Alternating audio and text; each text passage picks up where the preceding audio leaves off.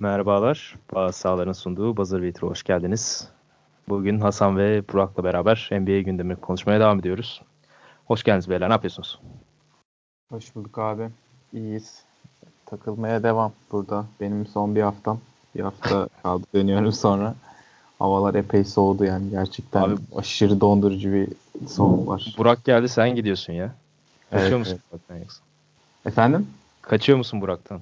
Yok Burak'tan kaçmıyorum da işte fazla yani birbirimizin Türkiye'de olması lazım. O yüzden... Bir ayağımızın Türkiye'ye bağlı Aynen ben de lazım. dönme kararı aldım Burak gelince. Burak sana ayrı mı hoş geldin diyeceğiz abi. Hoş geldin. Abi hoş bulduk ben de. Ee, ben iyiyim bir problem yok alışıyorum. İtalyan hayatına, İtalyan hayat stiline. Şöyle bir İtalyanca konuş da bir görsün ya millet. Sen pası bana attığında ben İtalyan dinleyicilerimiz için bir de İtalyanca çeviri yapayım. Yani bir İtalyanca podcast bekliyor dinleyicilerimiz zaten. o zaman zaten bugün program biraz uzun sürecek. Ee, konularımız biraz fazla. Çok fazla lak lak yapmadan geçelim o zaman. Ne dersiniz abi? Olur. Olur abi. O zaman Portland'la başlayalım. Ee, dün akşamki Oklahoma maçına kadar son 12 maçının 9'unu kazanan bir takımdı Portland. Ee, dün de yakın bir maç sonunda kaybettiler Oklahoma'ya. Ya gerçi bu sene e, bütün maçlarını yani son maçlarıymış gibi oynadıkları için e, bayağı yakın geçiyor zaten. Böyle çok blowout olduğunu görmüyoruz Portland'ın yenildiği maçlarda. E, bayağı dişe, dişe diş mücadele ediyorlar. E, ya hatta şey benzetiyorum ben bu geçen hafta Miami için de söylemiştik ya bu e, işte şampiyonluk hedefinden uzak ama e, mücadeleci işte playoff takımı olan takımlardan e, Portland'a Batı Konferansı'nda. E, ne diyeceksin Burak? E, Portland'ın bu hiçbir yere varmayan tavanı belli, tabanı belli. E, basketbol veya organizasyonu hakkında. Çünkü Hasan'a sormak istemiyorum pek. Hasan biraz Portland Türkiye Portland Haterları Derneği Başkanı olduğu için e, senle abi, başlayalım abi. Valla Portland'ın e, ben beğeniyorum Portland'ı da Portland'daki en büyük problem geçtiğimiz seneden hiç ders almamaları. Hatta geçtiğimiz senelerden.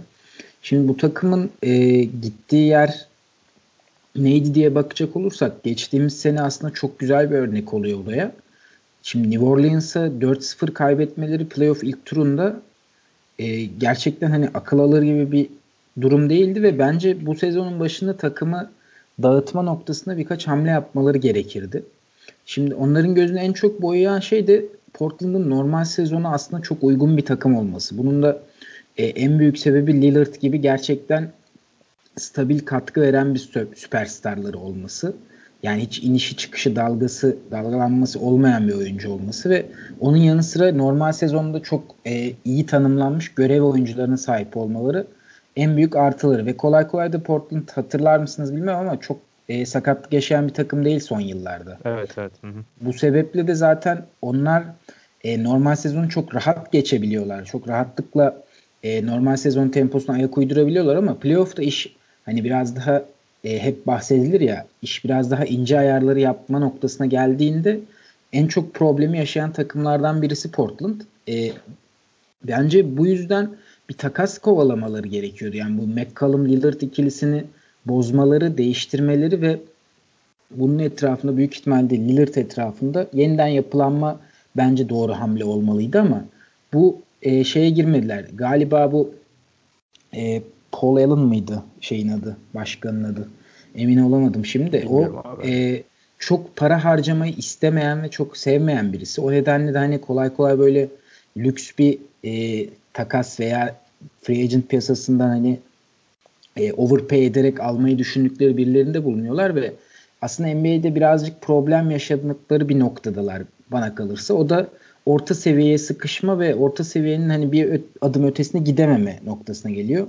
Ben e, onlar için çık çıkış yolunu bir takas olarak görüyordum ama sezon içerisinde her geçen gün daha iyiye gitmeleri de hani biz iyiyiz ya bakalım bu sene de bir görelim noktasına getiriyor onları. Bence bu doğru iyiye giden bir yol değil yani sonundaki başarı olarak.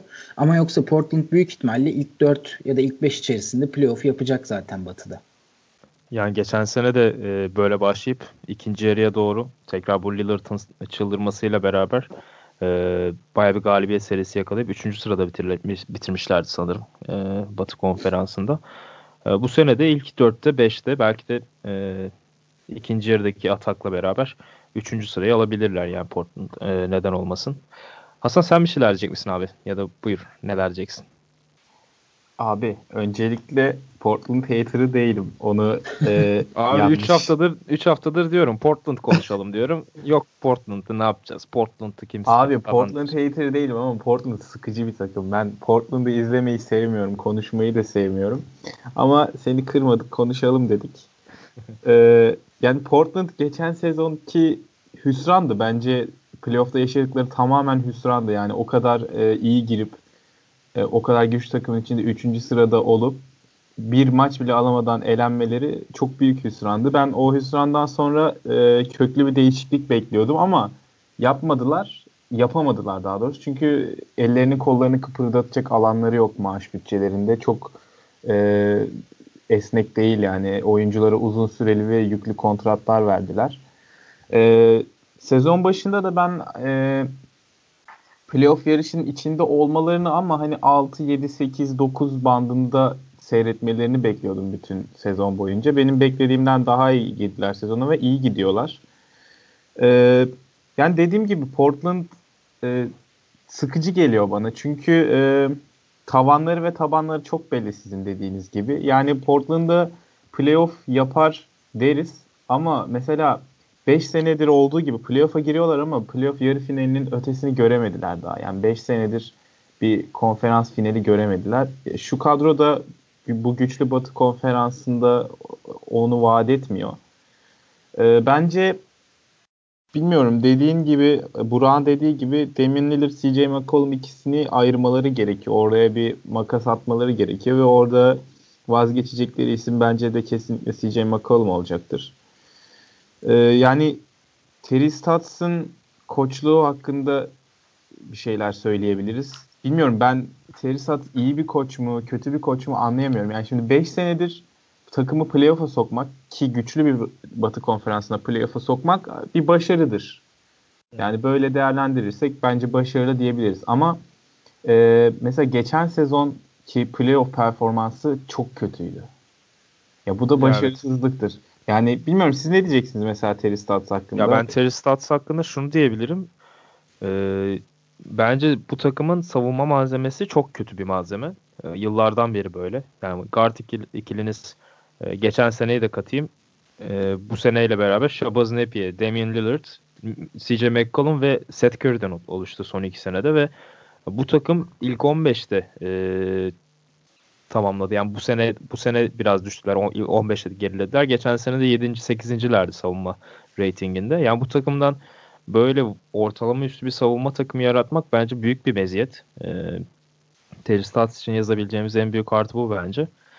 Ee, ve yani bu takımın 3 tane alternatifi dışında Yusuf Nurkic, CJ McCollum ve e, Demir dışında çok fazla öyle alternatifi de yok yani. Çok fazla derin bir kadrosu da yok birkaç senedir. O yüzden ben gayet iyi iş çıkardığını düşünüyorum. Burak neler bilmiyorum Abi, ama.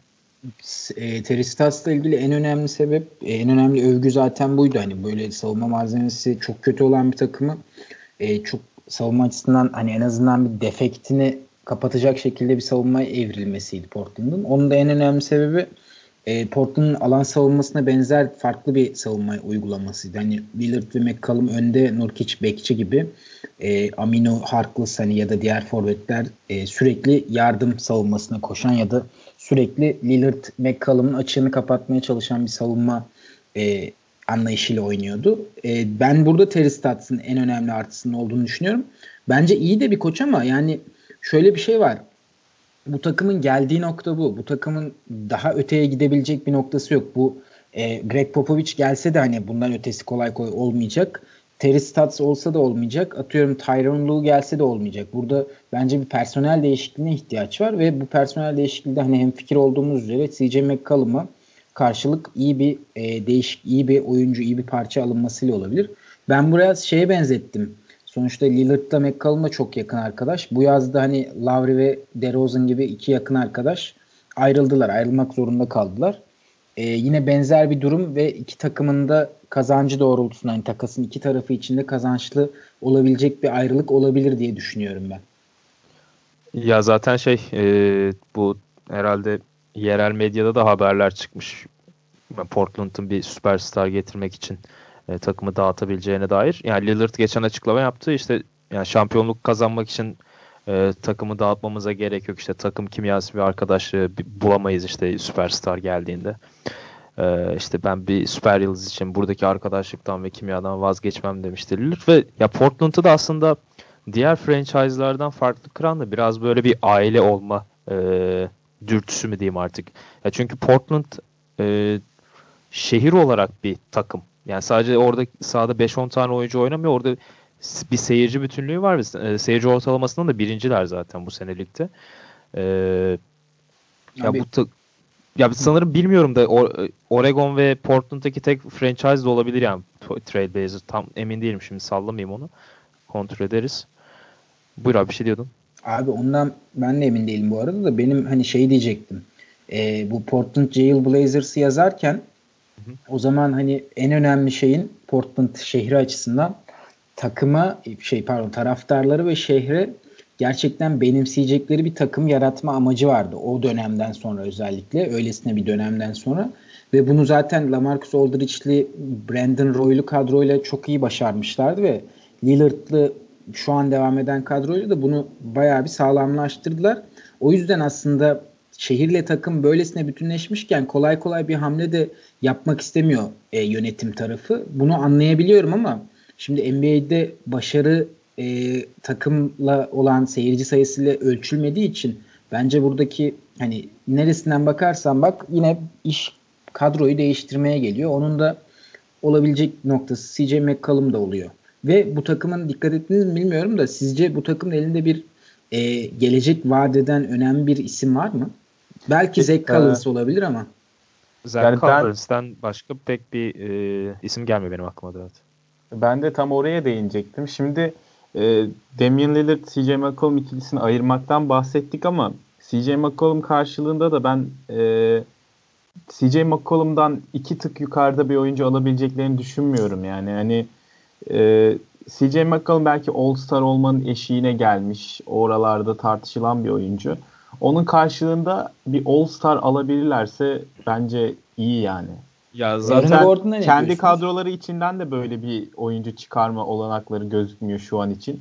O yüzden Portland şu an bir yerde sıkışıp kalmış durumda ve kısa vadede de e, o potansiyellerini genişletebilecek bir oyuncu yok yani. Mesela bakıyoruz kadroya işte Zach Collins, Anthony Simmons, Caleb Swanigan, Wade Baldwin falan var. Hani hepsi Zach Collins'i burada biraz ayırabiliriz bu sezonki çıkışıyla.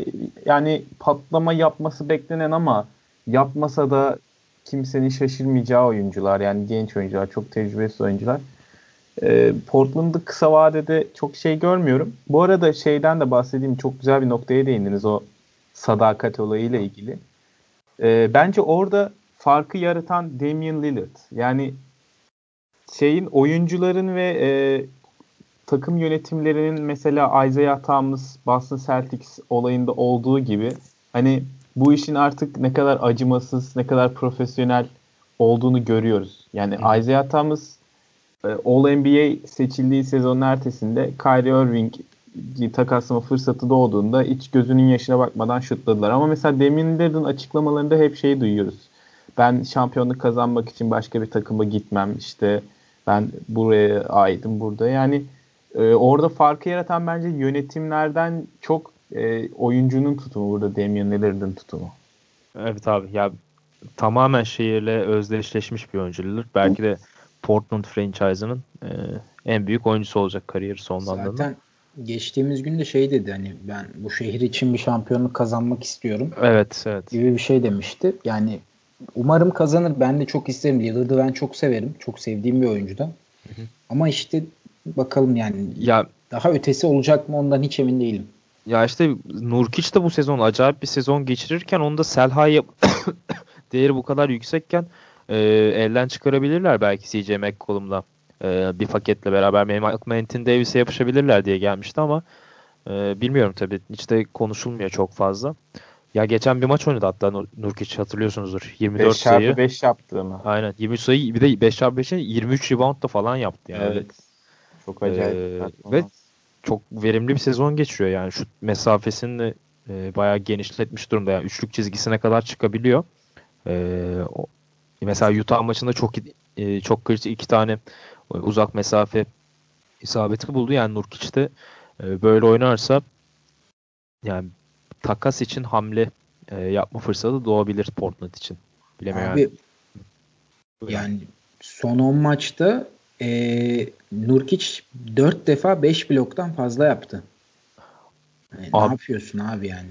Ya mesela Nurkic, Nurkic gibi bir oyun, e, şey ama geçen sene miydi? E, yani Nurkic yaklaşık bir 10-15 kilo verdi bir yaz döneminde. Evet. E, ondan beridir de çok fena, fena bir oyuncuya dönüştü yani. Çünkü Nurkic gibi bir oyuncuyu modern NBA'de, modern basketbolda sahada tutmanız çok zor. E, yani bir üçlük tehdidi yok. Ayakları çok fazla hızlı değil. Geçen sene zaten playoff'tan elenmelerin en önemli sebebi Nurkic'in pick and roll savunmasında varlık gösterememesiydi evet, zaten. Yani. Evet, evet. Ee, ya o New Orleans'ın mobil pick and rolllerine bu Anthony Davis'li, Drew Holiday e, ki Rondo gibi bir delici de vardı. E, hiçbir şekilde yanıt veremediler.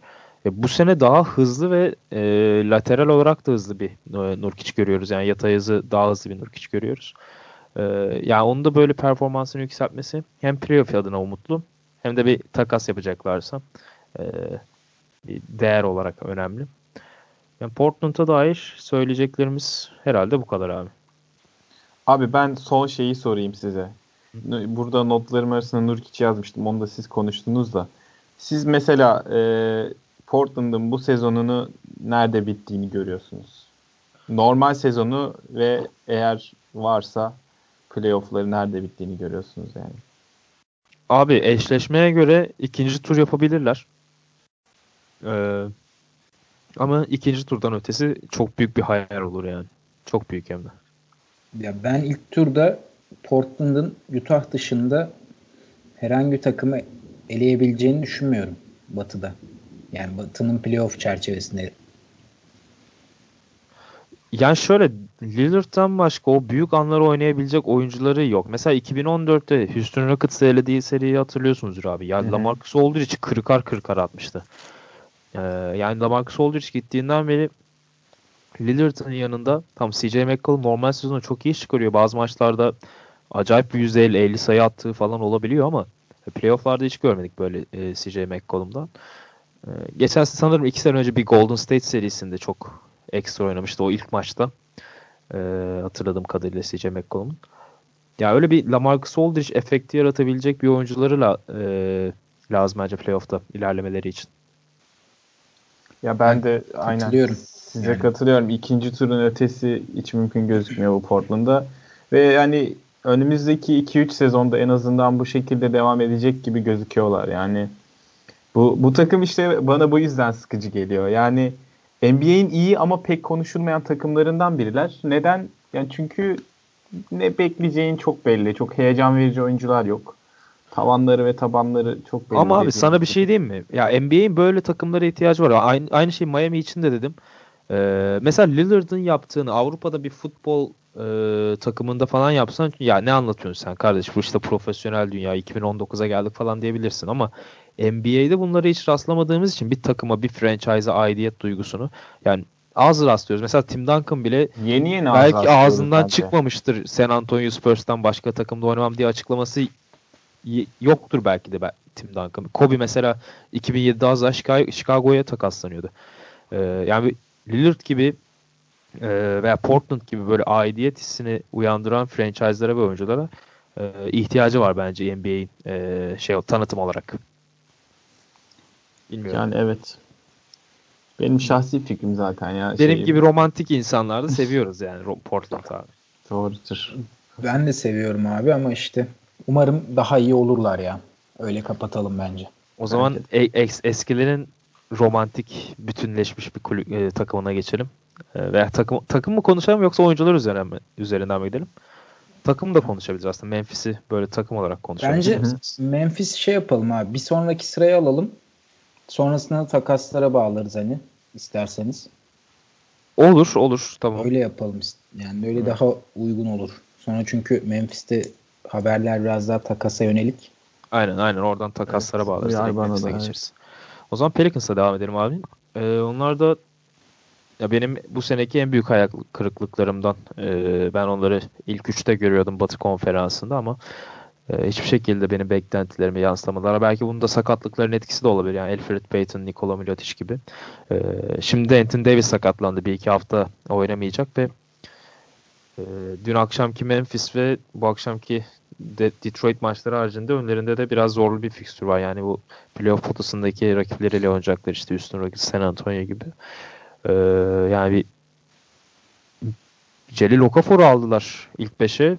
Açıkçası Mirotic'i beklerdim Anthony Davis'in yokluğunda. Ee, Elvin Gentry'den ama beni çok şaşırttı ve e, yani Memphis o kadar kötü bir takımmış ki Celil Okafor 20 sayı 10 reboundlık bir performans e, ortaya koydu önceki akşam. E, ya şimdi şey soracağım ben size abi. Ya bu takım kötü bir takım. Yani bu sene e, ligin iyi olmayan takımlarından Pelicans. Ya peki şey soracağım size. Anthony Davis, Drew Holiday, Nikola Mirotic, Julius Randle. Ya bunların hangisi kötü sezon geçiriyor abi? Ya birine kötü sezon geçiriyor veya ortalama bir sezon geçiriyor diyebilir miyiz? Belki Mirotic abi. Ama ama o da oynadığı senin söylemek dönem... istediğini anladım ya. Ya mesela o da bir maç oynuyor. Larry Bird gibi anladın mı? Böyle çatır çatır 4-5 tane üçlük soku veriyor. Yani göz elin e, gözünde el varken.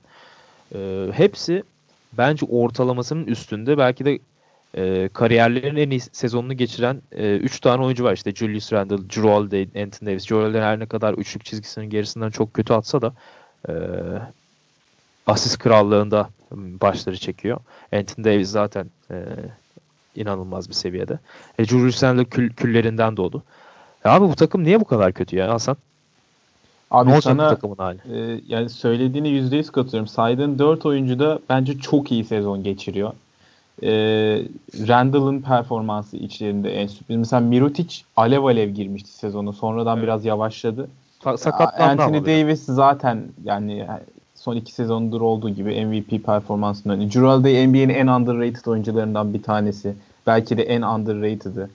Ee, ama bir şekilde olmuyor. Yani dediğin gibi benim de daha iyi olmasını beklediğim bir takımdı Pelicans. Yani ben ilk üç kadar yüksekte görmüyordum.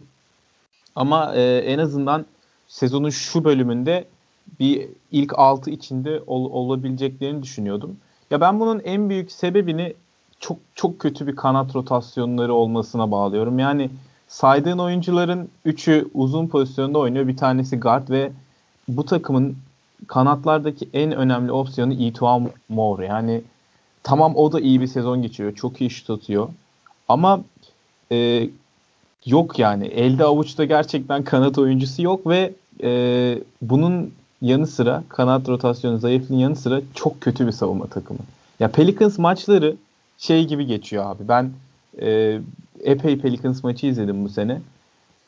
İşte kim daha çok atacak? Kim daha çok koşacak?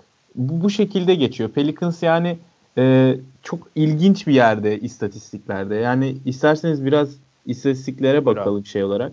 Mesela ben söyleyecektim abi. İyi bir noktaya Şut değindim. yüzdesinde NBA ikincisiler. Neydi abi? Al, alamadım şut orayı. yüzdesinde. Aha. Field goal yani genel şut yüzdesinde. Pace'de beşinciler çok tempolu oynuyorlar. Boyalı alan sayısında birinciler. E, of, hücum verimliliğinde dördüncüler ama savunma verimliliğinde 26.lar. Yani bunu daha önceki podcastlerde de konuşmuştuk. Savunma verimliliğinde hani 20'den aşağıda 20-25'lerde olan bir takımın e, kafaya oynaması çok zorlaşıyor. Bunu Mesela hani, geçen seneye evet, kadar final Cleveland, oynayamamıştı Cleveland. Evet, Abi, Cleveland yani örneğinde LeBron James yoksa elinde evet. Evet. evet. Ama yani e, hem takımın takımın savunma e, dizilişi, savunma anlayışı sıkıntılı hem de o tempoda e, bilmiyorum savunmaya pek takılmıyorlar. Kim daha çok koşacak? Bu, buna bakıyor Pelicans maçları ve bu şekilde belki normal sezonda başarı elde edebilirlerdi. Çünkü hiç tamamen sağlıklı bir rotasyon yakalayamadılar. İşte Sene başında Alfred Payton gitti. Ondan sonra Mirotic sakatlandı derken şimdi Anthony Davis sakatlandı. Bir türlü o e, tam sağlıklı kadroyu yakalayamadılar ama Yani bu tam sağlıklı kadroyu yakalasalar bile şu anki oyun anlayışlarıyla e, bilmiyorum ne kadar başarılı olabilirler. Yani kadro zaten Portland'dan belki daha kalitesiz diyebiliriz. Yani bilmiyorum az önce Portland'ı konuştuk ama mesela Portland'ın daha derin bir kadrosu var. Dört evet. tane çok iyi sezon geçiren oyuncu olmasa da, oyuncusu olmasa da daha derin bir kadrosu var. Bilmiyorum benim için Pelicans senin dediğin gibi hayal kırıklığı oldu. Playoff dışında kalırlarsa da Anthony Davis'i playoff'ta izleyememek üzücü olacak yani. E, kesinlikle abi. Ya şu e, savunma verimliliğinde 26. olmaları ile ilgili şunu diyeyim. Ya bu tempo e, işi o kadar zorlaştırdı ki abi e, NBA'de savunma yapmayı. Benim de bir çeviri yapmıştım Dringer'dan NBA'de savunmacı olmak diye. Ee, abi tempoyu o kadar arttırdı ki e, New Orleans Pelicans. Ya takımında Anthony Davis gibi bir oyuncu var ki bence ligin en iyi savunmacısı olabilecek potansiyele sahip. Belki de ligin en iyi savunmacısı da diyebilirsin yani bunu tartışabilirsin. Drew Holiday gibi belki de pozisyonun en iyi savunucularından birisi var. E, Alfred Payton keza iyi bir savunmacı. E, Salomon Hill iyi bir savunmacı. Ya bu takımda aslında malzeme de var ama tempo e, o kadar yükseltmiş durumdalar ki savunma yapmaları imkansız duruma geliyor. Mesela birçoğunuz e, Houston maçını izlemişsinizdir. Yani ligin ilk maçıydı. Darmadağın etmişlerdi Houston Rockets'ı ilk maçta. O maçta ya NBA artık böyle mi oynayacak demiştim ben. Ya bu kadar da koşulmaz. Ya böyle tempoyu çok yükselttiğinizde ya coaching'e acayip e, iş düşüyor işin savunma kısmında çok iyi adam paylaşımı, çok iyi, oradaki iletişimi çok iyi e, kurgulamanız gerekiyor ve e, bence Pelicans e, koçları çok fazla iyi iş çıkarabilmiş değil bunda. Özellikle Elvin Gentry e, biraz fatura ona yazar. E, özellikle bu savunmadaki 26. E, olma. Çünkü bu takımda Anthony Davis var. E, yani Anthony Davis'i bırak orada ya bu takım 15. sıraya taşır yani savunma reytinginde. E, ben biraz öyle bakıyorum. Kesinlikle Burak sen neler diyeceksin abi? Abi ben de e, Hasan'ın söylediği noktaya değinecektim aslında. Ya şeyin e, New Orleans'tan daha çok rakiplerine sayı imkanı veren takımlar yani gerçekten içler acısı ya. Yani bakıyorum abi Cavs New Orleans'tan fazla sayıya izin veren takımlar Atlanta, Washington, New York, Sacramento. Yani zaten hani Phoenix'ten Cavaliers Phoenix, yok muymuş? Phoenix'le aynı New Orleans şey olarak rakiplerine izin verdikleri sayı olarak. Şimdi hal böyle olunca e, abi siz savunma yapmıyor musunuz yani neden yapmıyorsunuz diye düşünüyorum. bir de şeyi düşündüm abi Hasan'ın söylediği nokta o açıdan da çok doğru. Şimdi NBA'de e, birçok takımın en iyi savunmacıları veya e, kana, şöyle söyleyeyim kanatlarında gayet yeterli ve ortalama üstü savunmacıları var. Ama New Orleans'ta bu da yok. New Orleans'ın kanadındaki Itwan Moore aslında çok kısa ve fizik fiziği çok yetersiz bir oyuncu. Keza Alfred Payton iyi bir savunmacı değil. E, onun dışında zaten başka oyuncu yok. Tim Fraser'lar falan oynuyor. Yani Drew Holiday var bir tek. Drew Holiday de tek başına ne kadar iyi savunmacı yani bu Drew takımda Holiday müthiş bir savunmacı bu arada bu ama bence yetmiyor yani. Yetmiyor yani abi. E, Drew Holiday'in yanındaki diğer oyuncularda Tim Fraser, Alfred Payton gibi oyuncular olunca veya Solomon Hill mesela çok iyi bir savunmacıydı ama o sakatlıktan sonra Solomon Hill maşallah kamyon gibi olmuş yani. Abi basketbol işi geçmiş o heriften ya. Aynen öyle. Zaten hücumda sıfır yazıyor. Savunmada yapmayınca... Savunmada eksi yazıyor zaten. Aynen. yani New Orleans'a dair söylemek istediğim pek bir şey yok abi. Bence şey e, Davis'in sakatlığı iki açıdan çok kötü oldu. Birincisi playoff treni zaten kaçacak gibi görünüyor. İkincisi e, hal playoff'ta kaçarsa Davis hani parayı masada bırakıp büyük ihtimalle LeBron abisinin yanına doğru yol alır diye düşünüyorum ben. Abi niye bu herkes LeBron'un yanına gidecekmiş gibi konuşuyor ya? En ayar olduğum şey ya valla. Sen yapma bari bırak. Abi e, yani NBA'in en iyi oyuncusunun yanına gidiyorsun ve kazanma ihtimalinin en yüksek olduğu yere gidiyorsun. E, bunların hepsini düşününce hani Boston da ihtimal dahilinde. Hani uçukta olsa belki Golden State de ihtimal dahilinde olabilir ama ben sanmıyorum yani Lakers gibi bir yer varken şey açıklamasında yaptı ya hani ben parayı değil kendi başarılarımı kendi ismimin efsanesini yaşatmayı isterim gibi bir şey de dedi. Evet evet. Ee, yani bunu LeBron sonrası da Lakers'ta yapabileceğini düşünürsek bence hani oklar oraya doğru gittiğini gösteriyor. Yani evet belki sakatlığından şöyle bir e, avantaj çıkarabilirler. Belki topu daha çok paylaşırlar. E, Mirotic çok alev alev yanıyor. E, yani zaten Julius Randle çok acayip bir seviyede bu sene. E, belki daha bir iyi takım olurlar. Daha bir kenetlenirler birbirlerine bu süreçte. O zaman ee, kenetlen mi diyoruz? Kenetlen e, şey. E, Başka neydi? New Orleans yok. He, hashtag kenetlen. Kenetlan hatta. Ben. Gururlan mı vardı yere Beşiktaş'ın? Evet, evet. evet gururlan. Abi şimdi bu takım savunmasından problemlerinden bahsettik. E Davis'in olmadığı bir savunma yani daha da kötü olmaz mı? Hani direkt düz mantık baksak bile. Abi direkt 30 hatta 31 32. falan olması lazım Davis'siz bir Pelicans'ın savunmasının. Yani evet Fenerbahçe falan hani EuroLeague'den takviye yapsa bence New Orleans'ten daha iyi savunma takımı. Evet evet kesinlikle evet. Aynen öyle bak. Hep konuşuyoruz biz aramızda o NBA'yi. Aman abi o EuroLeague NBA muhabbetine girmeyelim aman diyeyim ya. Evet. Koz vermeyelim şimdi durduk yere. Evet. Cemal kızıyor sonra. o zaman abi Pelicans'a dair çok fazla konuşacak bir şey de yokmuş. Ee, şimdi konuştuktan sonra anladık bunu da. Takaslarda tekrar bir bakarız Pelicans'a işte yapmaları gereken e, neler var. Orada Celil Okafor'a ben bir değindim ama e, siz çok değinmeye gerek duymadınız herhalde. Çok e, kariyerin en iyi maçını çıkardı. E, Mark Kendisine başarılar karşı. dileyelim abi. Şimdi e, bir diğer kötü takıma belki de ligin son 1-2 aydaki en kötü takımına e, geliyoruz Cavaliers'la beraber. Memphis Grizzlies. E, onlarda da büyük bir sorun var. İşte Mark Gasol, Mike Conley, e, Robert Pera ile görüştüler takımın patronuyla ve e, Memphis Grizzlies artık onlar için e, takas tekliflerini dinleme kararı aldı ama ne kadar takas teklifi gelecek veya ne kadar e, değerli parçalar alabilecekler göreceğiz. E, yani aslında bu Batı Konferansı playoff yarışı 14 takımla devam ediyordu derken e, ilk, ilk kim kopacak derken e, ilk takım Memphis Grizzlies oldu. E, ya geçen sene de aslında iyi, iyi başlamışlardı ilk 20 maç sonunda. Mike Conley sakatlanana kadar ama e, bu sene de aynı senaryo gerçekleşti ve bir anda tepe taklak gitmeye başladılar. Hat, hatta bir ara sanırım lig birincisilerdi değil mi? Abi evet 12-5'li lig birincisilerdi. Oradan sonra 7-23 geldiler. E, aynen şimdi onu ondan bahsedecektim ben de. Yani sakatlık da olmadan son 6 maçlarını kaybettiler. Son 13 maçın 12'sini kaybettiler. Son 23 maçın 19'unu kaybettiler. Ee, yani bu Cavaliers kadar kötü bir e, galibiyet yüzdesi.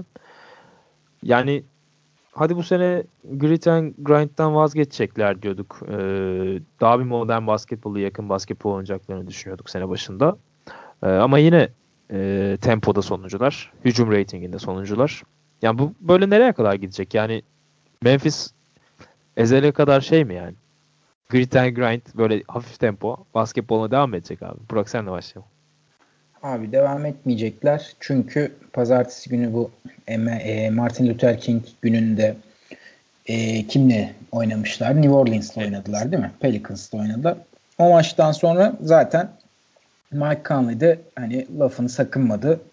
Yani bu gerçekten ağır bir yenilgi oldu. Bu hani yenilginin bana bu maçın şeyi anlamı çok büyük ve e, bence artık bir şeyler yapma zamanı geldi gibi bir açıklama yaptı. Abi araya gireyim. Hani ligin en kötü savunma takımı takımlarından biri dedik az önce Pelicans'ı. 85 sayı atabildiler. Ha yani durum böyleyken e, zaten son 29 maçta 7 galibiyet 22 mağlubiyetler. Burada hemen bir e, araya tekrar şunu ekleyeyim. E, Şükran gününden Thanksgiving'den bugüne Atlanta 11 galibiyet 17 mağlubiyet. Memphis 7 galibiyet 22 mağlubiyet. Hani bu da bir fikir vermesi açısından. Atlanta şey için lotarya için koşturan bir takım yani. Evet. E, durum böyle olunca Mike Conley lafını sakınmadı. E, dediğin gibi abi Pera'yla görüştüler. Gasol ve Conley e, takası açık durumda. E şimdi sonraki hamle ne olacak? Zaten Chandler Parsons gibi bir bela vardı başlarında.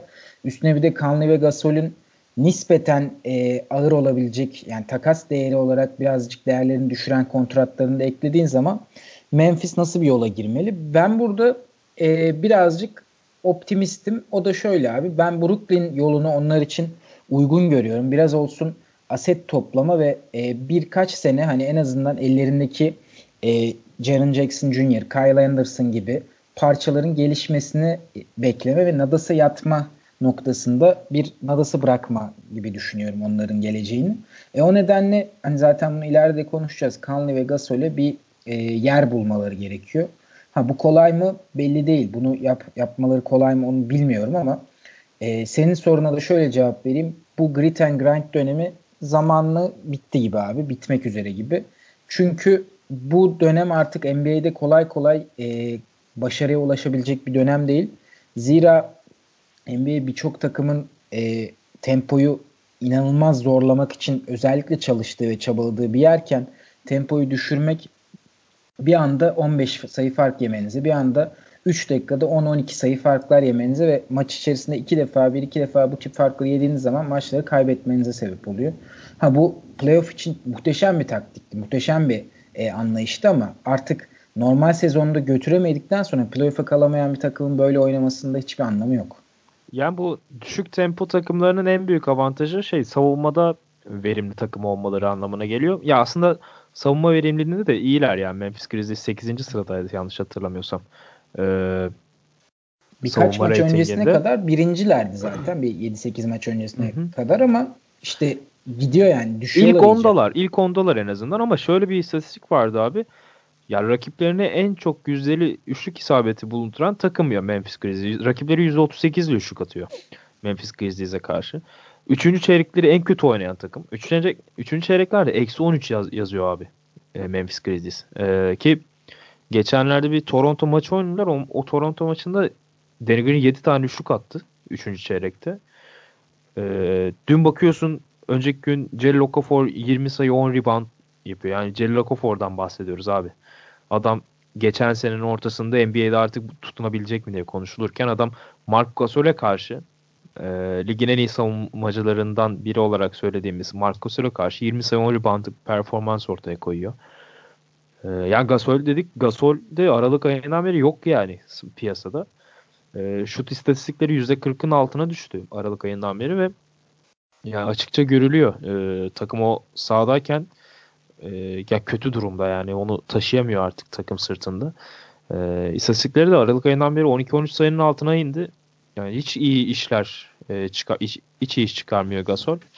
E, ve bu takas e, draft hakları da çok fazla Memphis'in yüzüne gülmüyor yani. Ya çok kötü olmaları lazım tak, e, draft haklarını kullanabilmeleri için. E, ona da işte bu ee, Hasan sen senden alalım bir şeyler ondan sonra değinirim bu draft haklarına abi. Abi Memphis e, ya sene başındaki performansları çok fake'ti zaten. Yani ben hiçbir zaman Memphis'in o performansına aldanmadım. Birçok e, kişi yani birçok NBA yazarı da söylüyordu zaten hani bunun çok sürdürülebilir olmadığını. Nitekim gördük. Şu an e, Batı Konferansı'nın Phoenix'ten de kötü olamadıklarına göre dibine geldiler. Ve bence burada mantıklı bir şey yapıyorlar. Pragmatist yaklaşıyorlar. Çok da geç kalmadan yeniden yapılanma moduna giriyorlar. İşte takım sahibiyle Mike Conley ve Marc Gasol'ün görüşmesi. Yani artık bu anlama geliyor. Conley ve Gasol'ü takas pazarına koyduklarını, teklifleri dinleyeceklerini söylediler. Bence bu mantıklı çünkü bu yapılanmanın bir yere gitmeyeceği sezon başında belliydi. Bir şans verildi kısa bir dönem ve e, tekrar olmayacağı görülünce hele ki bu güçlü batı konferansında bir yere gitmeyeceğini anladıklarında yeniden yapılanma düğmesine basmış durumdalar şu an. Jaren Jackson etrafında yeniden bir yapı kuracaklar muhtemelen ve e, Burak'ın dediği gibi bence yapmaları gereken şey e, sabırlı olup e, yani kötü kontratlar alıp mesela bir iki tane e, Brooklyn'in yaptığı gibi işte Timofey Mozgov'u almaları, e, ne bileyim Demari Carroll'ı almaları gibi böyle sünger olup diğer takımları takaslarda yancı olup sabırlı olup e, yeniden yapılanmaya gitmeleri gerekiyor. Saha içini konuşursak da ben e, yani Memphis maçları gerçekten felaket oluyor ya. Hani tamam e, düş, yüksek tempoyu izlemeyi seven birisi için Memphis ideal bir takım olmayabilir. E, grit and grind felsefesiyle savunma kimlikli bir takım oluşturarak e, ta, rakiplerini boğucu savunmalarıyla yenmeye çalışabilirler. Ama bir şekilde hücumda bir şeyler üretmen lazım abi ve Memphis e, bununla uzaktan yakından alakası yoktu. Yani offensive rating'de 29'uncular işte üçlük isabetleri saha içi yüzdeleri falan hepsinde çok kötü durumdalar. Ve bence bu e, oyuncu kalitesinden çok koça yazıyor. E, evet. Hem bu grit and grind felsefesini devam ettirmeye çalışmasından dolayı hem de bence oyuncuları verimli kullanamamasından dolayı kaynaklanıyor. Mesela Jaren Jackson 5 numarada daha faydalı olur. Kyle Anderson 4 numarada daha faydalı oynar gibi geliyor bana ve e, Mark Gasol'ün de ben şey olarak biraz küçümsendiğini düşünüyorum. Küçümsenmek de denmez de Mark Gasol çok özel bir yetenek setine sahip bir oyuncu abi. Kontratına biraz aldanmamak lazım. Yani tamam yüklü bir kontratı var ama kazanan bir takımda şampiyonluğu oynayan ve düzenlerin, rol dağılımlarının, görevlerin belli olduğu bir takımda Marc Gasol inanılmaz bir etki yapabilir. Yani şu an Memphis'te çok kötü gözüküyor belki. Geçen sezon berbat oynadı. Kariyerinin en kötü sezonuydu. Şu anda e, bu sezonda çok iyi oynamıyor. Ama Marc Gasol'ün yetenek seti e, hem hücumda hem savunmada kazanan bir takıma inanılmaz yani bir iki seviye atlatabilir. O yüzden ona biraz fazla yüklendiniz. Ben Marc Gasol'ü biraz savunayım dedim. Ee, iyi yaptın abi. Zaten Marc Gasol'ün hücum seti dediğin gibi bir takıma seviye atlatabilecek seviyede ama yüksek tempoda oynayan bir takımda Marc Gasol'den verim alman bence çok zor. Ee, ben onu yıllarca Lakers'a yakıştırdım. Yani son 2-3 senede belki Lakers'a takaslansa iyi mi olur e, diye düşünüyordum ama e, ya bu sene hadi Lakers'a takaslandığını düşünelim abi. Onlar da bu sene tempo ya- yapmak istiyorlar. Marc Gasol'ü sahada tutmak iyice zorla- zorlaşacak onlar için. Ee, ya daha düşük tempoda oynayan veya playoff'ta e, Marc Gasol gibi sorun çözücüsü olmayan bir takıma iyi gelebilir. Ben, e, ne bileyim belki Portland için iyi gelebilir belki Marc Gasol e, gibi oyuncular. E, sorun çözücü anlamında. E, ama Marc Gasol'un bundan fazlası olabileceğini düşünmüyorum artık. Yaşı da 34'e gelmişken bu kontratla çok fazla alıcısı çıkmayabilir. E, Mark Conley için hala bir şeyler e, geç değil. E, ama Gasol dediğin gibi çok da değerli değil benim gözümde. E, şeylerden bahsedecektim ben. Bu bütün draft haklarını Boston'a ipotek ettirmiş gibiler şu an son 3 senede. e, bu önümüzdeki 3 senede pardon. Jeff Green için. E, sayayım onları isterseniz. Bu bu sene sanırım birinci tur draft hakları ilk ilk 8 e, sıra korumalı Boston'da seneye top 6 korumalı. E, 2020 2021'de de korumasız direkt Celtics'te. Yani bu sene ilk 8 Ama o dışı... şöyle oluyor. Ee, bu sene 1-8'de yani bu sene Memphis seçerse seneye devrediyor. Yine seçerse ondan sonraki seneye devrediyor. O zaman korumasız oluyor. Yani 3 seneyi de şeye Boston'a borçlu değiller. Aynen aynen. Hı Aynen. Yani ee, o, o üç ama, seneden bir tanesinde olacak sadece. İşte Boston Boston seçecek sanırım orada yoksa Memphis mi seçecek e, hangisinin olacağını? E, ikisi de seçmeyecek. Eğer bu sene 1 ile 8 arasında kalırsa Memphis alıyor. Hı. Gelecek sene 1 ile 6 arasında kalırsa yine Memphis alıyor. E, bu, dedi, bu dediğim ihtimaller dışında olursa Boston alıyor. Ama e, 2000 ne oluyor? 2021 oluyor. 2021'e geldiğinde 2 sene de e, Memphis seçmiş olursa bu se- bu sefer korumasız direkt Boston Celtics'in oluyor draftı. Yani e, allem edip almış oluyor Boston Celtics onu.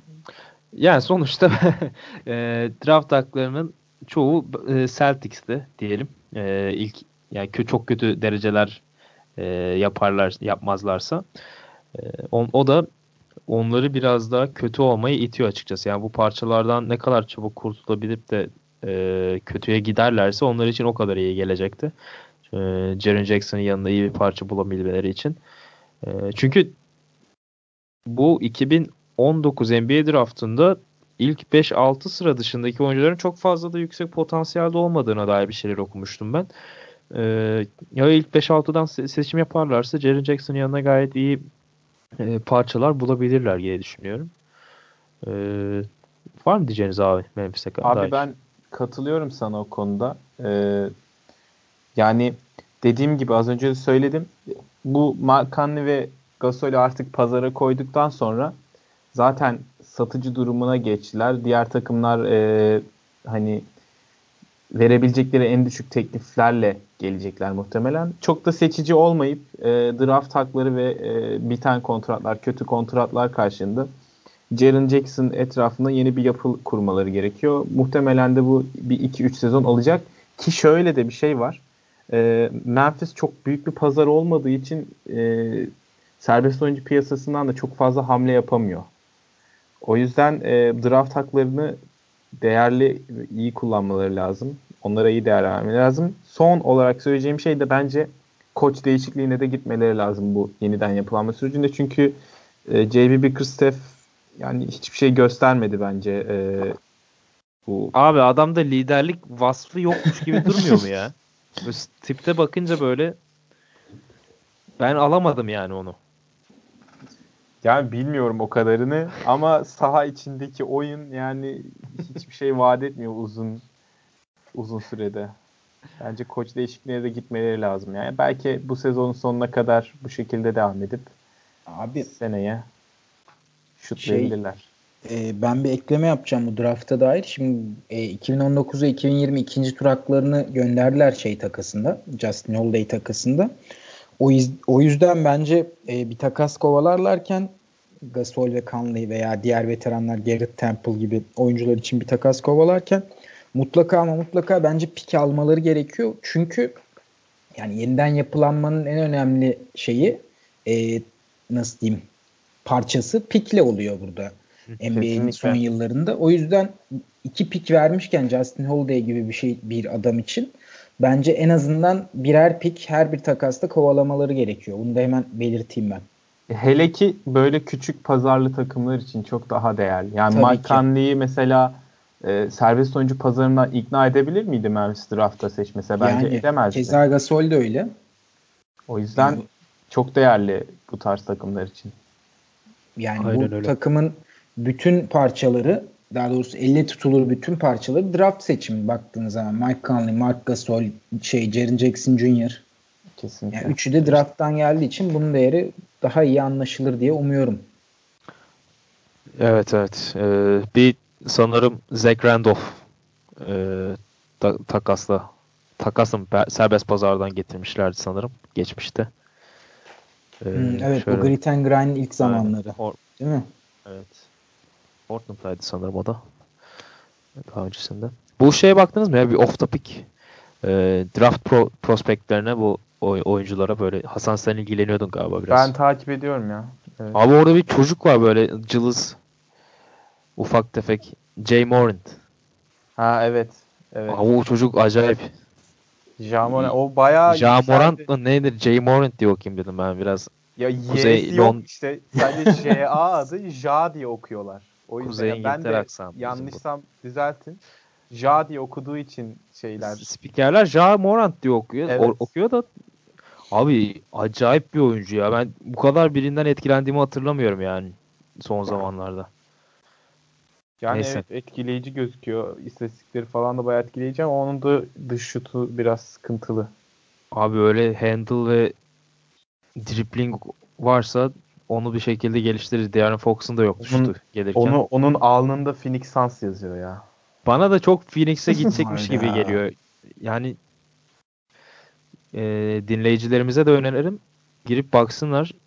Jamorant Highlights yazıp e, Neyse onu ayrı bir podcast'te konuşuruz belki sezon sonunda ya da Mart, yaz. Mart, Mart, bit, Mart bitsin Nisan gibi falan konuşuruz. Evet. O zaman şey takaslara, takaslara geçelim. geçelim. Çok sabırsızlanıyorum. Abi zaten sırf senin için yapıyoruz bu takasları bak söyleyeyim sana. ee, takaslara geçelim o zaman. Ee, yine alfabetik mi gidelim Hasan? Evet, evet alfabetik gidelim bence daha ama iyi olur. O zaman Dallas'la başlayalım. Benim de Dallas'a dair bir takasım var. Ee, nadir takas yaptığım takımlardan biri bu hafta.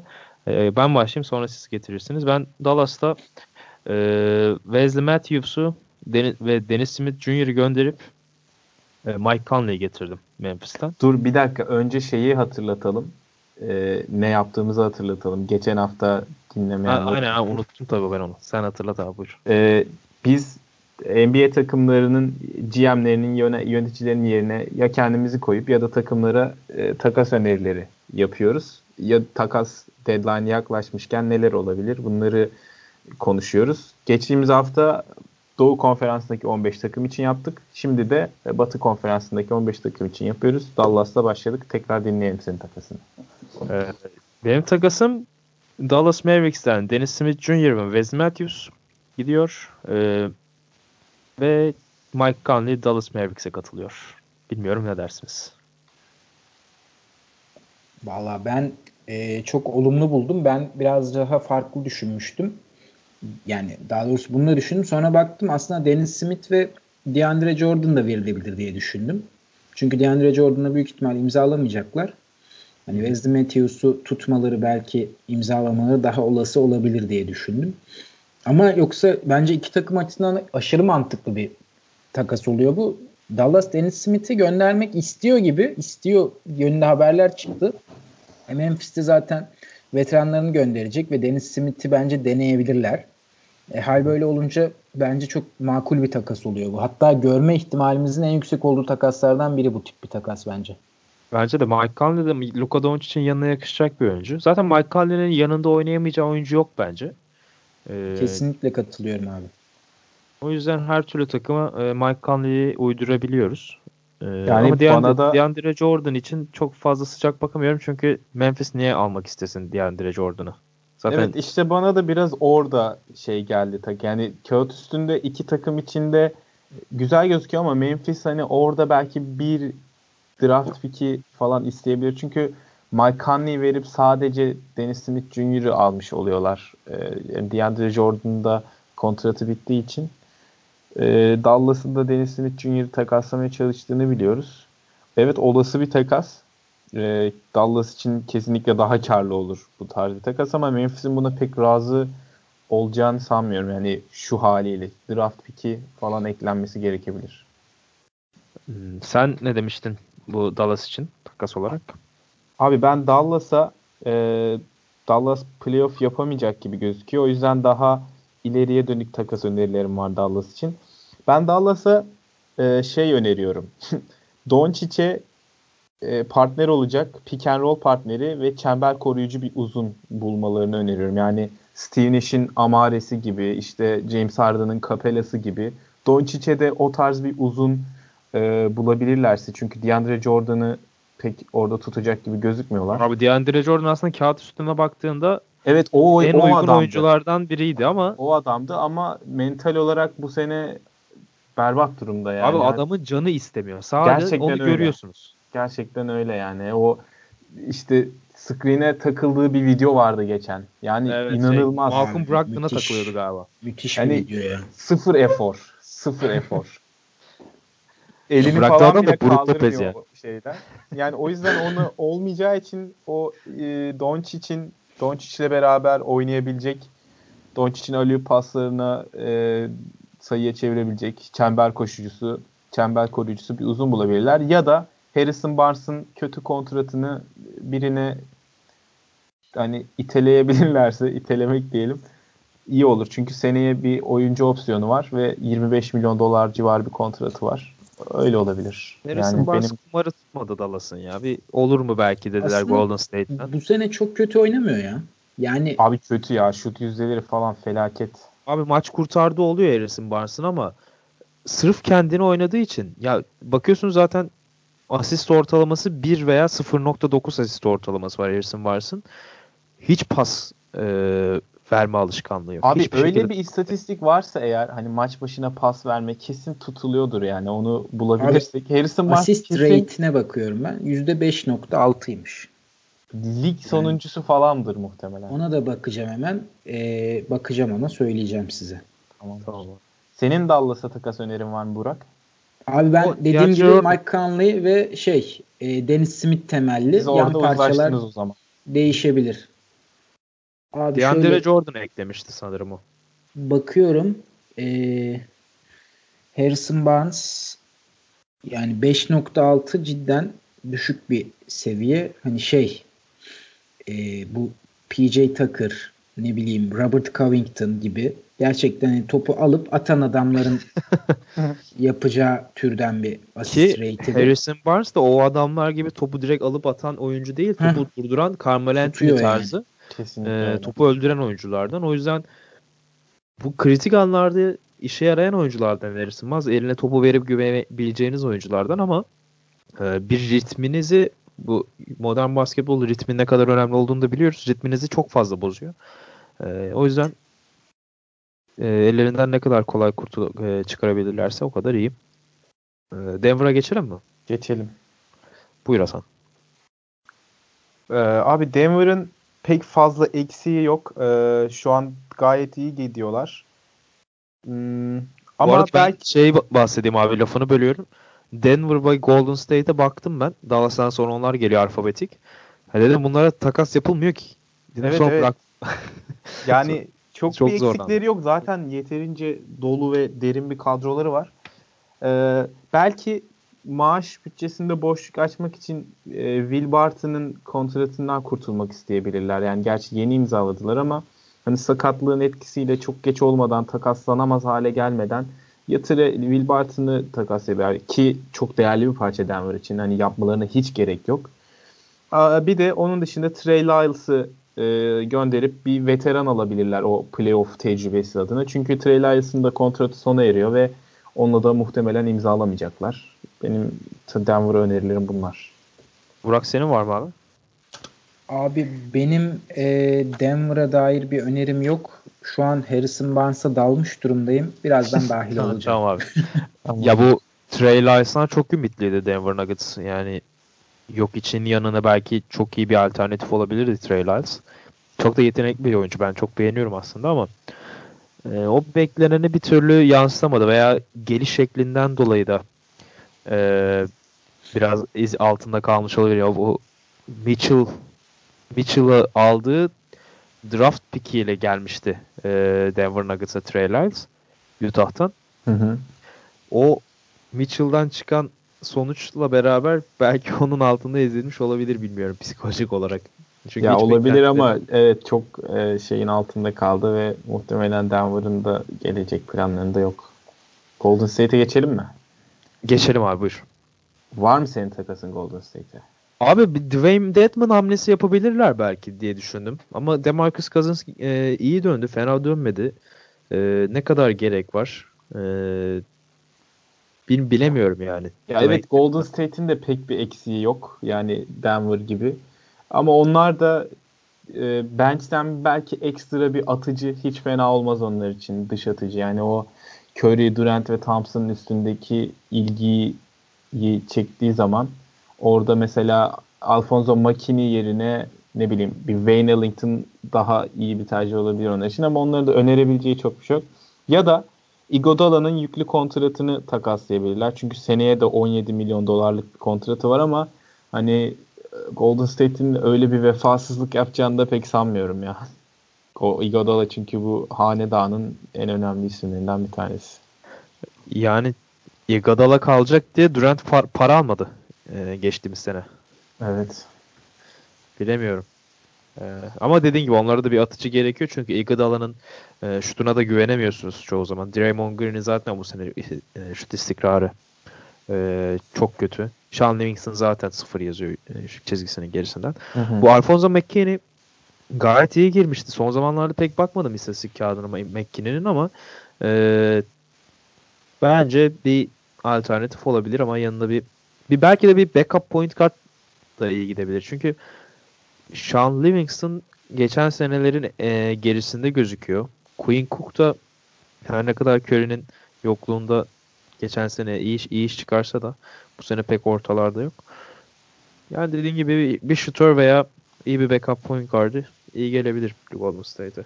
Olabilir. Burak, Harrison Barnes'tan uyanabildiysen senden Abi, de uyanmaya çalışıyorum. Ee, gerçekten bir kara delik gördüm ben Harrison Barnes'a bakınca. Kara delik hakikaten şey yani topu alıp vermeyen anlamında evet işte. mı yoksa e, o anlamda daldım gittim Yok yok o anlamda abi.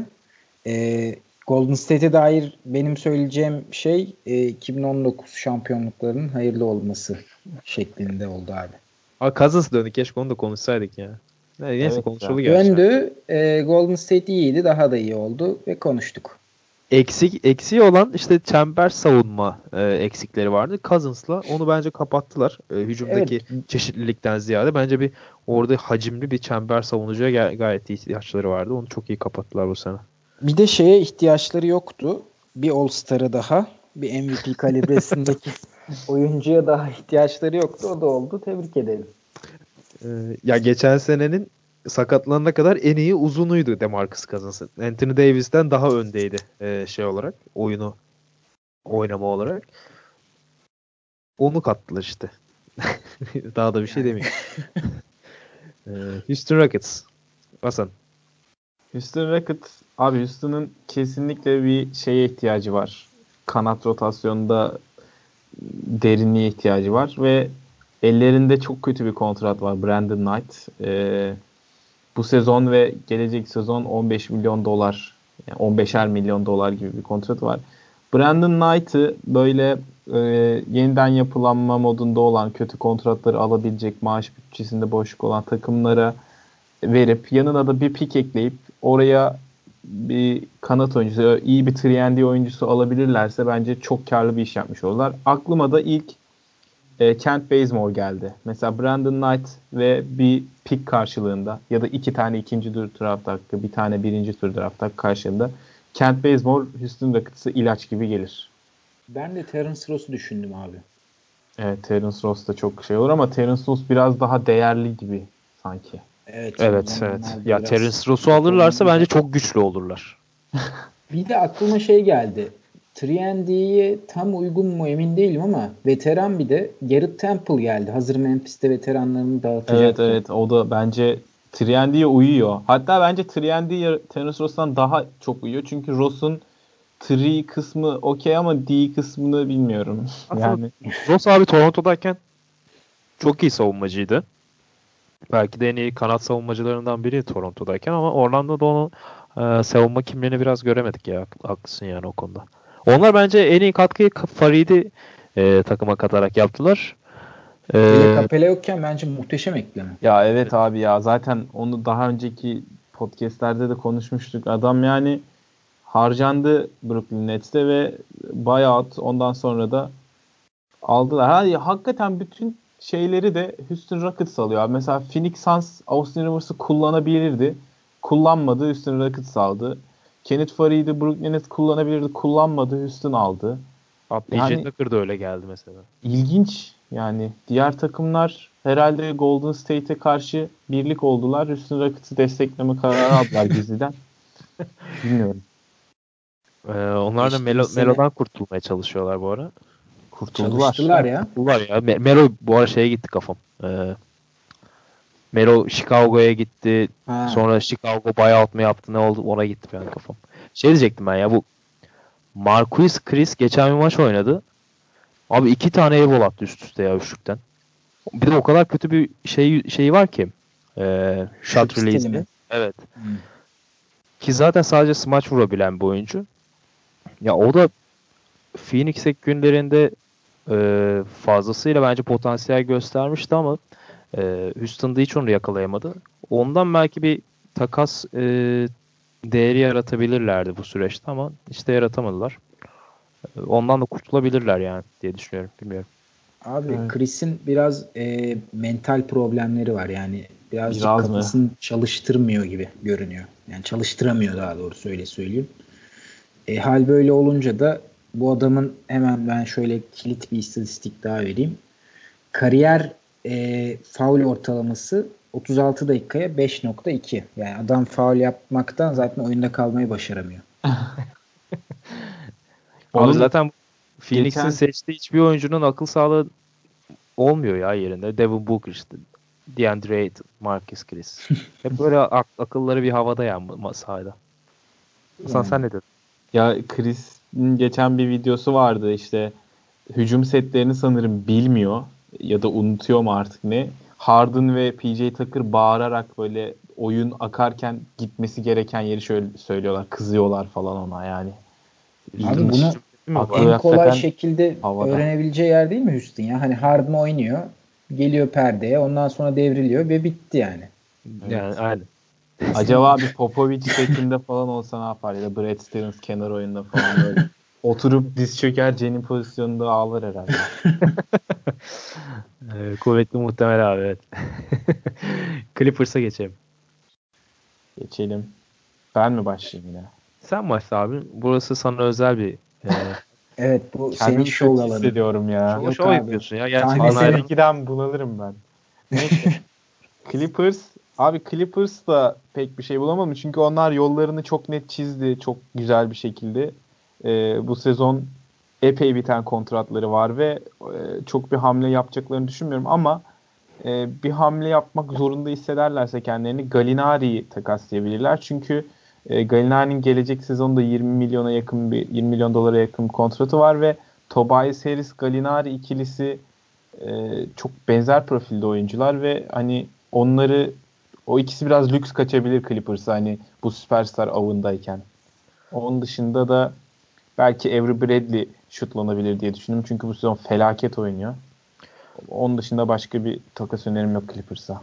Abi Avery Bradley'nin e, şeyini bilmiyorum. Kontratı nasıl bilmiyorum ama e, Seneye de 12 milyon dolar evet. gibi bir kontrat evet, Çok da fazla almıyordur diye düşünüyordum. Evet. E, 12 milyon dolar gayet makul bir e, miktar Avery Bradley için bence. Bu seneki kötü performansını geçen seneye bence unutturur. İyi bir e, süperstar havuzunun yanında çok iyi bir tamamlayıcıları Avery Bradley. Ya kesinlikle Boston'daki Avery Bradley bence çok iyi bir yan parça, çok iyi bir görev adamı ama öyle. bu sezon hani felaket, felaket. felaket. Bence bir de şeye de katılıyorum. Yani bu Danilo Gallinari'nin hazır sakatlanmıyorken çok fazla e, hazır 20 sayı civarında da sayı atıyorken e, değeri yüksekken e, çok iyi bir e, geri dönüşle beraber satılabileceğini, e, takaslanabileceğini düşünüyorum ben de abi. Burak senin var mı abi alternatif abi, bir takasın? Galinari sakatlandığı için bu şey yine yalan oldu galiba. Yani Sakatlandı Galinari... mı? Hiç okumadım ben haberleri. Aha, sakat sakat. E, birkaç maç oynamadı. Bugün de oynamayacak zaten. E, hani acaba o dönem geldi mi diye düşünüyor insan Galinari'nin. O yüzden ben Clippers zaten Hasan'ın da bahsettiği gibi yani bir yola girdi. Bence o yolda devam edecekler. Bir takasta ben şu an için görmüyorum. En azından bu sene gidebildikleri yere kadar gitmeyi planlıyorlardır diye düşünüyorum. Aynen öyle abi. Bunlar yazı bekliyorlar. Ee, playoff yapar, yaparsak da hiç fena olmaz diye düşünüyorlardır herhalde. Kesinlikle Aynen. öyle abi. Ee, Clippers'tan sonra Los Angeles Lakers. Los hmm. Angeles'ın ağ babaları. Buyur bakalım Hasan. Los Angeles e, onlar da bu yazı bekliyorlar diğer Los Angeles ekibi gibi. Ama onların e, farklı bir durumu var. Bence onlar Clippers'tan daha yarışmacı olmak zorundalar. Hem Lakers camiasının beklentileri itibariyle hem de LeBron James e, diye bir oyuncu var. Onun e, yarattığı etki itibariyle. Ve e, talihsiz bir durum. İyi bir oyuncuymuş galiba. Ya evet iyi bir oyuncu. Fena değil beyler. Yani ben çok izlemedim ama. Geleceği var yani. Sakatlanmış bu arada. Ee, Geçmiş olsun diyelim o zaman. Onu da pek duymadım ama sakatlanmış. Şey de Rajon Rondo da sakat. E, Lonzo Ball da sakat.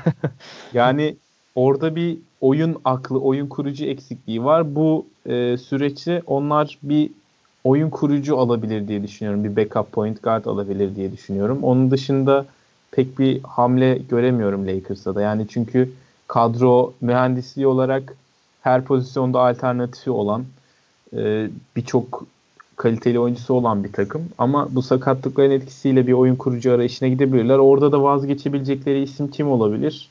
Bence Kentavis Caldwell Pop olabilir. Çünkü kötü oynuyor bu sezon ve mesela Jeremy Lin Caldwell Pop takası fena olmaz diye düşünüyorum. Ama hani bu kadar kısa bir süre içinde Caldwell Pop'tan vazgeçerler mi? Onu da pek sanmıyorum. Hamle ben yapmadan geçmeleri daha yüksek. Jeremy Lin için daha yüksek, e, daha değerli şeyler kovaladığını düşünüyorum ya. Evet. Yani KCP yani. çok fazla bir anlam ifade etmeyebilir Atlanta için. Ee, ya onların bence bu genç nüveden bir iki tanesiyle yolları ayırması gerekiyor. Diyorsun. Süperstar takıma katmak için. Kim mesela? Kimle ayırırsın ilk? Josh Hart.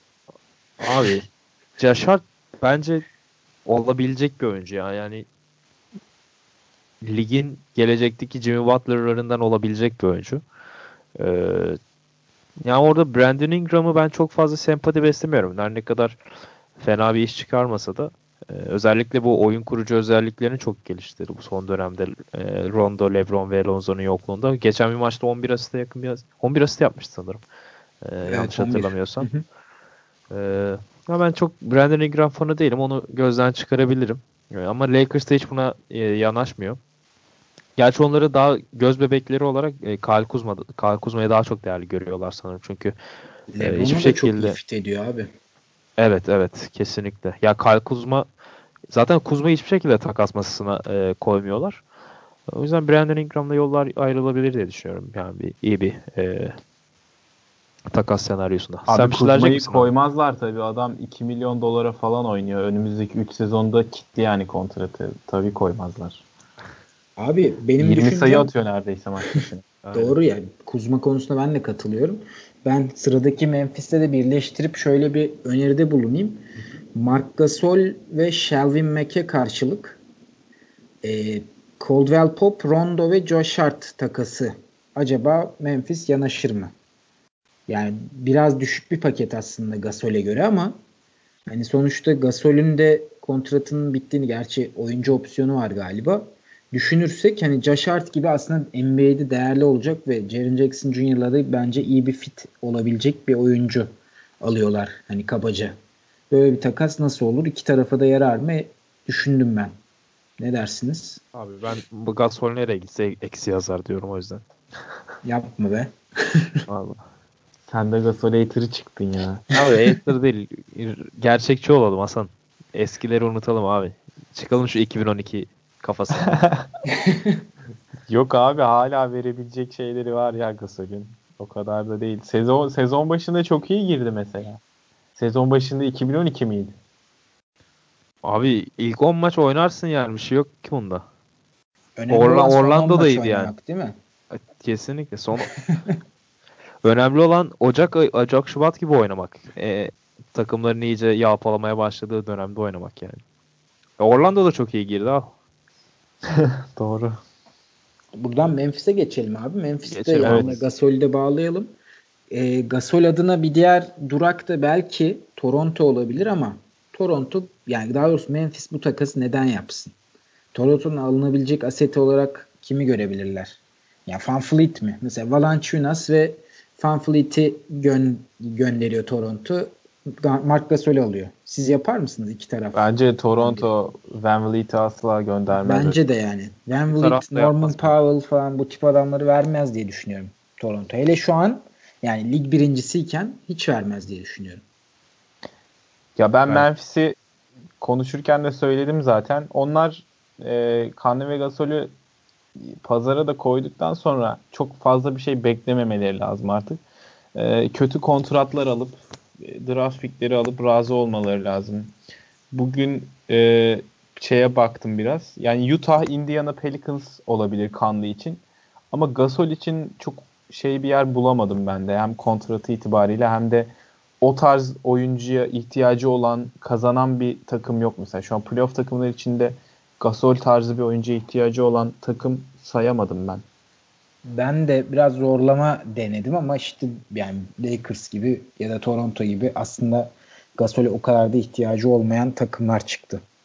Yani bench rolünü kabul ederse aslında Gasol çok e, iyi bir parça olabilir. Yani o da e, sanmıyorum çünkü abi bu adamın ben son bir kontrat daha almak isteyeceğini düşünüyorum. Opt-out yapıp. O nedenle bench'te kalmayı değil de son kontrat için oynamayı tercih edeceğini düşünüyorum. Çünkü Muhtemelen. yani en olası senaryo bu gibi görünüyor. O zaman e, Timberwolves'a geçelim abi. Zaten onlar yapacakları bütün takasları yaptılar herhalde bu sene. evet. Ama hala olmuyor yani bir yerde. Ya gerçi Covington sakatlandı ama uzun süredir oynamasa da. E, bir ileri bir geri, bir ileri bir geri. E, Hasan kimi almalı, kimi göndermeli? Minnesota dediğin gibi e, onlar yaptılar yapacaklarını. E, onlardan bir hamle beklememek e, bu takas deadline'ında daha mantıklı olur ama e, ellerinde bence baya kötü bir kontrat var. Gorgi Ceng'in kontratı. E, ona bir alıcı bulabilirlerse ilk fırsatta onu takaslamaları gerekiyor. Çünkü 3 sezon 15'er 17'şer milyon dolar falan alacak. E, ve eğer Wiggins'i takaslayabilirlerse bence takaslamaları lazım. Yani daha önce söylediğimle çelişecek belki. Yani çelişmiyorum. Wiggins'ten ümidi kesmemek lazım. Hala genç dedim daha önceki yayınlarda ama e, kontratı o kadar yüklü ki e, Wiggins olsa bile kontratı yine de şey kalacak gibi geliyor bana hep. Yüklü abi kalacak. Yani Wiggins'in kontratını Durant falan almalı abi. Evet işte yani o yüzden eğer bir takas bulabilirlerse e, Wiggins'i de takaslayabilirler diye düşünüyorum ben.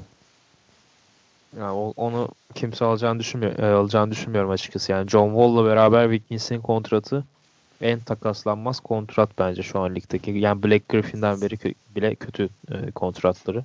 E, verdikleri performansı bakarak söylüyorum tabii bunu.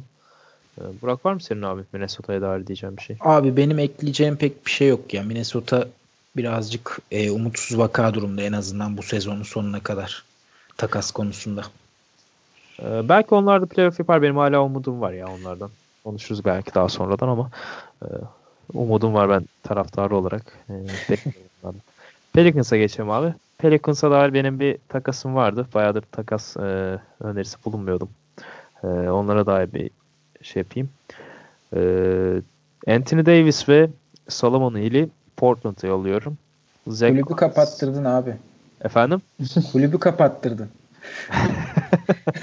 dur dur oğlum. Kimleri vereceğim, vereceğim dur. Ee, Yusuf Nurkic, Zach Collins ve CJ McCollum'u e, ve iki tane de gelecekten e, draft hakkı yolluyorum. Birinci ve ikinci tur draft hakları. E, bence gayet win-win bir senaryo olur. iki takım içinde. E, bilmiyorum bana gayet mantıklı ve tatmin edici gelmiş. Abi paketin içinde şey de var mı? Nike fabrikası var mı? Nike çünkü Oregon'da sanırım Nike'ın şeyi. Var var. Merkezi. hepsi, hepsi var. O da varsa Pelicans okeydir. Bütün hisseleriyle. Ama yoksa bence olmaz. Abi ne bu? Anthony Davis ne Allah mı yani? Toplanak Allah diye Allah diye bari. Ne ne yani? ya şöyle düşün abi. Bu. Ya sen mesela bir tarafta şöyle bir paket var. E, Lonzo Ball, Ingram artı bir de iki tane draft piki gibi bir şey var, paket var. Sen hangisini tercih edersin New Orleans adına? Yani Nurkic, McCollum gibi bir paketi mi, Lonzo Ingram gibi bir paketi mi? O biraz daha yönetimsel bir e, bapta. Şöyle şu anda da yarışmacı olmak istiyorsan ve ben bu takımın e, playoff yapabileceğini düşünüyorum. E, doğru koçla beraber bu takas gerçekleşirse. E, playoff yarışında kalmak istiyorsa bu takım e, bence bu takım e, takasa evet diyebilir. Çünkü bu Lonzo Ball ve Brandon Ingram'ın e, daha olup olmayacakları çok belli değil. E, evet diyebilirdim. Ya Davis'ten sonra hani e, bir rebuilding durumu olacağı için diyorum ben. Yoksa paket olarak yani fena bir paket değil tabii ki. McCollum'la Nurkic de iyi oyuncular ama sonuçta Davis'ten vazgeçiyorsun. E Davis'ten vazgeçmek demek ki bu takımdan bir yol olmayacak. Yani ben franchise player'ımı takaslıyorsam bu takımı tamamen baştan yapıyorum. Ya işte oluyor. onlar da tekrar rebuilding'e gidecekler mi orası da kesin değil. Mesela bu 2012'de e, geçen vardı. Birinci sıradan New Orleans seçiyor. ikinci sıradan Charlotte seçiyor. E, kimse Michael Kidd Gilchrist seçmişlerdi. Yani o andan itibaren Charlotte Hornets'in galibiyet yüzdesi New Orleans'tan daha yüksek. Ki o senenin en kötü takımıydı e, Charlotte Hornets. Belki de tarihin en kötü takımıydı 2012'de e, lockout sezonunda. Ya ondan beri Davis aldıklarından beri Charlotte'tan kötü derece yapmışlar. Yani bu takım demek ki yeniden yapılanmada e, çok da iyi iş çıkaramamış. Belki de yeniden yapılanmadan ziyade e, daha doğru parçalarla daha yarışmacı olmayı tercih edebilirler bu sefer sıfırdan başlamaktansa. Bilmiyorum. Yani veya bir de şöyle bir opsiyon var. Boston'ın verebileceği herhangi bir paket de bundan iyi olabilir diye düşünüyorum. Abi en iyi paketi Boston verebilir zaten yani evet, Anthony hani... Davis. Ya Anthony Davis'i alırken ya takaslamayı düşünürse Pelicans ki asla düşünmüyorlar. Ee, al, alacakları şey oyuncudan çok draft piki ve hazır oyuncudan çok potansiyelli oyuncu ve draft piki olacaktır yani. Çünkü Anthony Davis'i veriyorsun. En azından bir 3-4 seneni e, draft pikleriyle geliştiriyor olman lazım. Ya ben, ben çok biraz daha bu olası görmüyorum bu senaryoyu. Hatta evet. ben Pelicans'ın hiç Anthony Davis'i takaslayacağını düşünmüyorum. O orada şey konuşuluyor. İkinci bir star eklemeye e, çalıştıkları konuşuluyor hep Pelicans'ın ki bence yapmaları gereken de bu. Anthony Davis'i en azından kontratı bittik bitene kadar takımda tutmak istiyorlarsa ya da kontratı bittikten sonra da takımda tutmak istiyorlarsa Bradley Beal'ın adı çok geçiyor Pelicans'la. E, şu son gelişmelerden sonra Mike Conley olabilir. E, ve artık hani birinci tur draft haklarından feragat edip Anthony Davis takımda tutmak için ikinci bir star getirmeleri gerektiğini düşünüyorum. Bence Bradley Beal da harika bir fit olur Anthony Davis'in yanına. Bradley Beal geliyorsa işler değişir de. Hani Bradley ya Beal çok zor tabii ama çok üst seviye oynadığı için evet. kontratı falan da ayarlaması birazcık problemli olabilir sanki evet, New Orleans evet. açısından. O zaman Thunder'a geçelim abi Hasan. Ya Thunder'a ben şutör şutör almaları lazım. Yani e, işte orada Andrew Robertson oynuyordu sağlıklı olduğu zaman. Terence Ferguson'ı denediler ilk 5'te. Son zamanlarda iyi oynasa da kötü şut atıyor. Hamidou Diallo'yu denediler çaylak bir ara. İyice rotasyondan düştü. Bekleni veremedi. Ee, Abdel Nader oynuyor. Ondan da kısıtlı katkı alıyorlar. Oraya bir tane net şutör bulmaları lazım. Çünkü Westbrook çok kötü şut atıyor ve bu takım müthiş savunma yaparken hücumda onun verimini alamıyor o dış şut katkısı geldiği için. Ligin en kötü şut atan takımlarından bir tanesi. Yani şut verimlilik istatistiklerinde en dipteler hep. Ee, mesela Andre Robertson sakatken onun e, kontratı yani şu an karşılığını alamıyorlarken onu takaslayıp bir tane şutör alabilirler diye bir önerim var Oklahoma'ya. Onun dışında da hiçbir eksikleri yok. Zaten müthiş bir kadroları var yani. Ya belki Nerlens Noel, Noel tekrardan değerini yükseltmişken o takaslanabilir. Zaten orada baya bir bolluk var. İşte Jeremy Grant olsun, Steven Adams olsun. Ee, Nerlens Noel de gerçekten ligin en iyi savunmacılarından birisi. İyi bir şutör e, katkısı gelebilir yani. Bu takım maç sonlarını Alex Abrines'le oynamak zorunda değil. evet. evet bak onu da unuttum. Alex Abrines'i de denediler. Olmadı. Ki bence yani orada takımın en iyi şutörü olabilir. Paul George'dan sonra bakıyorum en iyi şutör olabilir evet, yani Alex Abrines. öyle. Bence Burak de sen diyecek misin abi bir şey? Abi ben buyout window'dan yani buyout'tan birilerini bulmalarını bekliyorum. Ee, kolay kolay bir takas senaryosu göremedim. Çünkü ellerinde takas yapabilecek bir parça yok. Evet, evet yani. doğru. Valla bilmiyorum bir e, Oklahoma'yı bir ara böyle baştan detaylı konuşmak lazım bir ara. Bayağı hikayeli bir sezon geçiriyor onlar da. Bayağı iyi bir sezon geçiriyorlar. Ee, Phoenix'e geçelim o zaman abi. Hızlanalım biraz. Phoenix'e takas önerileriniz. Buyurun. Abi, Phoenix'e e, kalite artık öneriyorum. Point guard almaları lazım kesinlikle. E, Mike Conley'i çok e, gördüm Twitter'da. Yani Mike Conley takasa e, konulduktan sonra Phoenix ile çok yazıldı tabii. Phoenix'in de oradaki boşluğunu varsayarak ama şöyle bir yorum okudum. E, Memphis Grizzlies Mike Conley bu kadar sene boyunca e, takıma hizmet etmişken onu Phoenix'e göndermek gibi bir e, işkenceyi ona yapmamalı. O yüzden Phoenix'i e, kimse yazmasın Mike Conley'e falan tarzı bir yorum gördüm bir Amerikalı yazardan. Çok mantıklı geldi. Yani Memphis vefakar bir organizasyonsa eğer e, Mike Conley'i Phoenix'e yollamamalı. Ama Phoenix'in de yani Ryan Anderson'ın kontratından kurtulsunlar diyeceğim. Çok zor. Yani zor. point guard abi onlar point guard alsın bir tane. Abi onlar almasın bence. Ja Morant'a yanlamaya devam etsinler sene sonunda.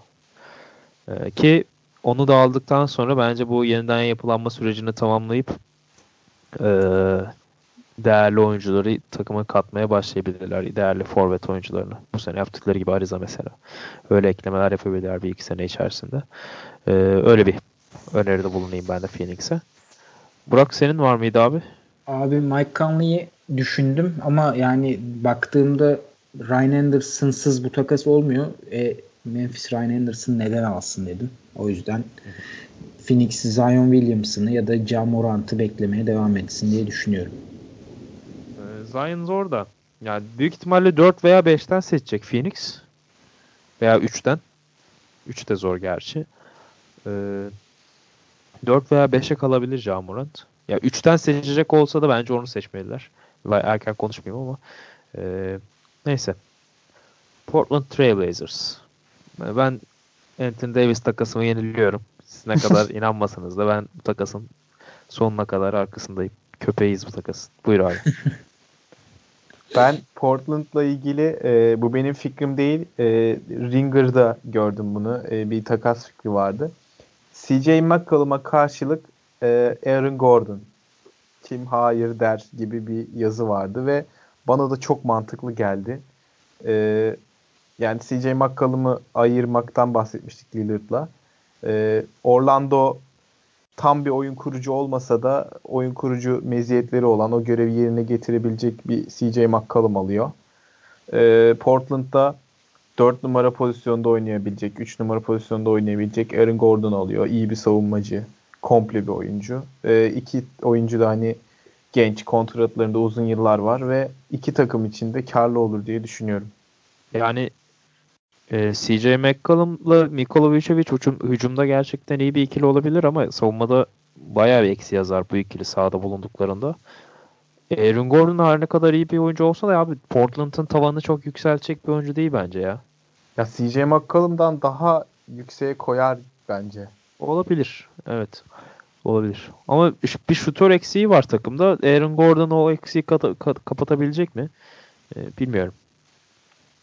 Burak sen diyeceksin abi. Var mı? Abi Port, ben de CJ McCollum, e, Aaron Gordon gördüm ama ben e, ya Hasan'la benzer düşünmeme rağmen bunun aslında Portland'ı iyiye götüren bir yönde olacağından emin olamıyorum. Çünkü yani Aaron Gordon'da CJ McCollum'dan çok daha şey vaat etmiyor bence. O nedenle yine aynı problemler devam edebilir diye düşünüyorum. Yani belli bir aralığa sıkışma problemi devam edebilir diye düşünüyorum.